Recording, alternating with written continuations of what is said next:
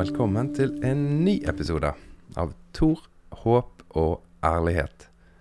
Setter veldig pris på at eh, du lytter, og eh, jeg setter veldig pris på at det er så mange som har delt podkasten, at det er så mange som har trykket abonner, og som henger med og syns at dette virker interessant.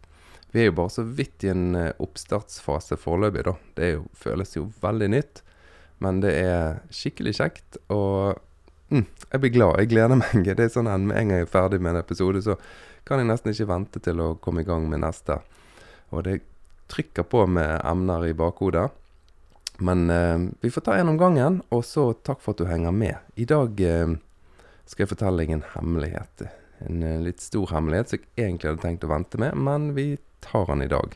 Fordi at jeg har oppdaget at eh, en del av dere som lytter, lurer på hvor i all verden kommer ideen og inspirasjonen til å både skrive starten og til å starte denne podkasten.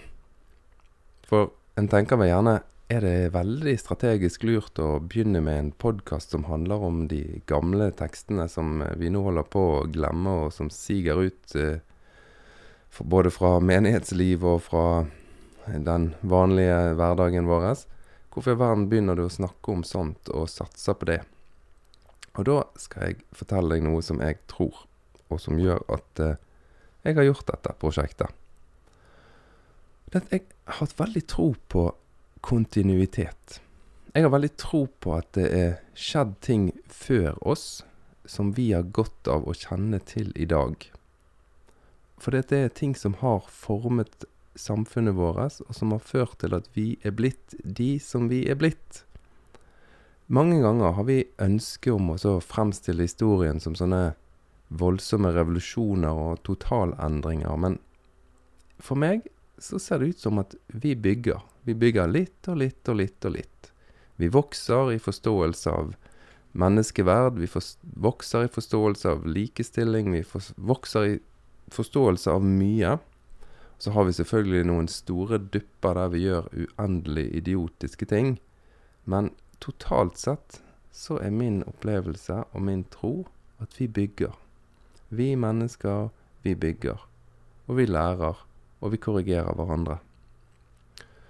I eh, min eh, si, kristne arv så har jo jeg lært om noen store revolusjoner der alt ble forandret. Men når jeg har lest historien, så har jeg begynt å tenke at det stemmer ikke.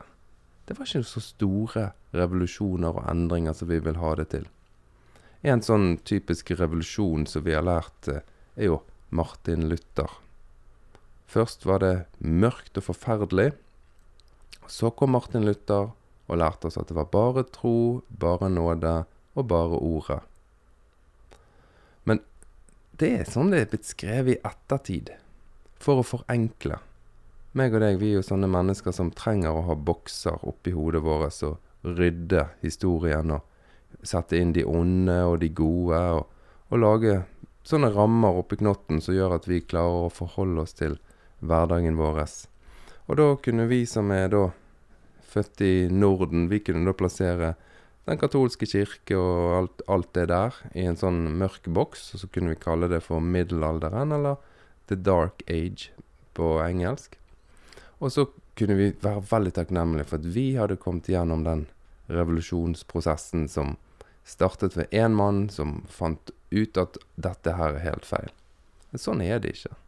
Når du leser historien, så ser du at det er mange tenkere, teologer og vanlige folk i den katolske kirke og utenfor den katolske kirke og i andre sammenhenger som har tenkt og jobbet og pratet med de samme tankene som også Martin Luther sa. Og så fremstilles det i ettertiden som at nå var alt forandret, for vi bare tror på Guds ord. Men når du leser den historien, så ser du også det at han mener jo det at du skal tro på den historien han leser ut av Guds ord. De få versene som han har plukket ut, det er de som er de viktige. Men sånn er det ikke. Vi lever i en kontinuitet. Vi lever i en historieutvikling der folk tenker, jobber, føler, kjenner.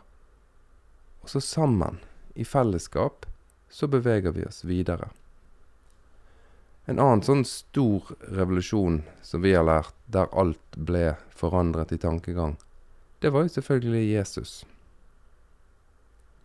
Og han viste oss virkelig mye som førte til store endringer.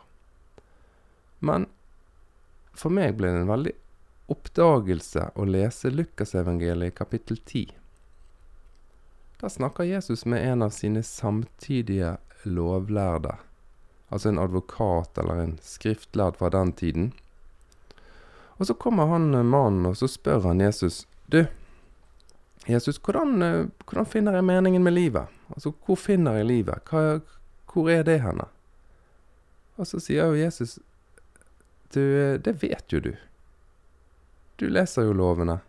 Hva leser du der? Hva er oppsummeringen av lovene? Hva er oppsummeringen av det som vi i dag kaller for Det gamle testamentet?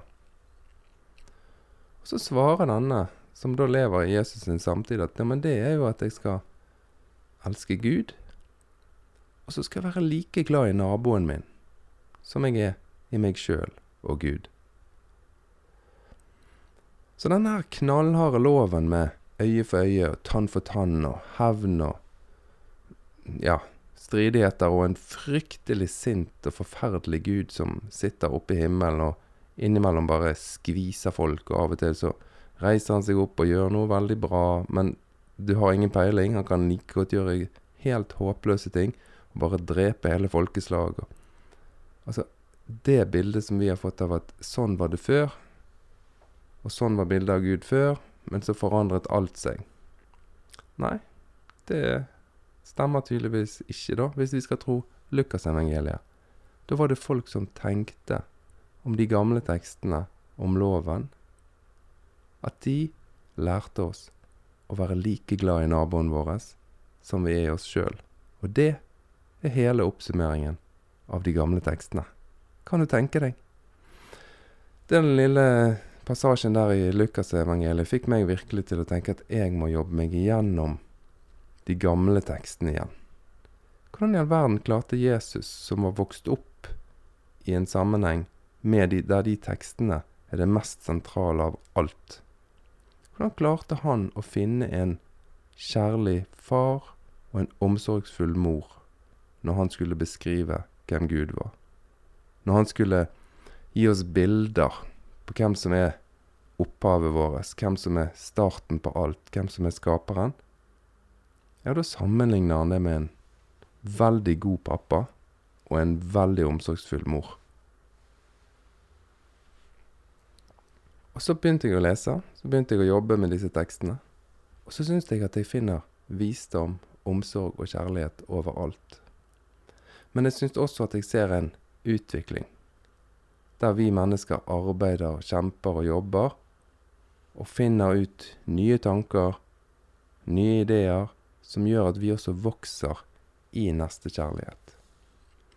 Og når du kommer til lovens bok, den tredje Mosebok, og du leser tredje Mosebok kapittel 19, så kommer du til et vers om de fremmede. Så leser du at i den loven så står det at den fremmede som bor hos dere, skal regnes som en innfødt blant dere, og du skal elske ham som deg selv. For dere har selv vært fremmede i landet Egypt. Jeg er Herren deres Gud. Det er et litt annet bilde enn den guden jeg har fått beskrevet fra Det gamle testamentet. Bare det at det heter Det gamle testamentet, viser at vår tradisjon har prøvd å skille oss veldig fra den kontinuiteten og den byggingen som har vært gjennom tusener av år. Jeg tror vi har veldig godt av å ta opp igjen de gamle tekstene og begynne å tenke hva var det Jesus så i disse tekstene? Hva var det han hadde lært? Hva var det han hadde diskutert i synagogene? Hva spørsmål var det som de stilte hverandre, som gjorde at han skjønte at det finnes en skaper og et opphav som setter umåtelig stor pris på hvert eneste menneske. Ja, så det var en hemmelighet i dag. Tenk det, du. Lukas kapittel 10. Det fikk meg til å tenke at jeg må skrive og jeg må begynne en podkast. For jeg har lyst til å minne om kontinuiteten, minne om historien vi står i, og at den har veldig, veldig lange røtter. Og at jeg tror vi går glipp av noe viktig hvis vi kaster den på båten. Takk for at du hører på Tor, håp og ærlighet. Trykk abonner hvis ikke du har gjort det fra før.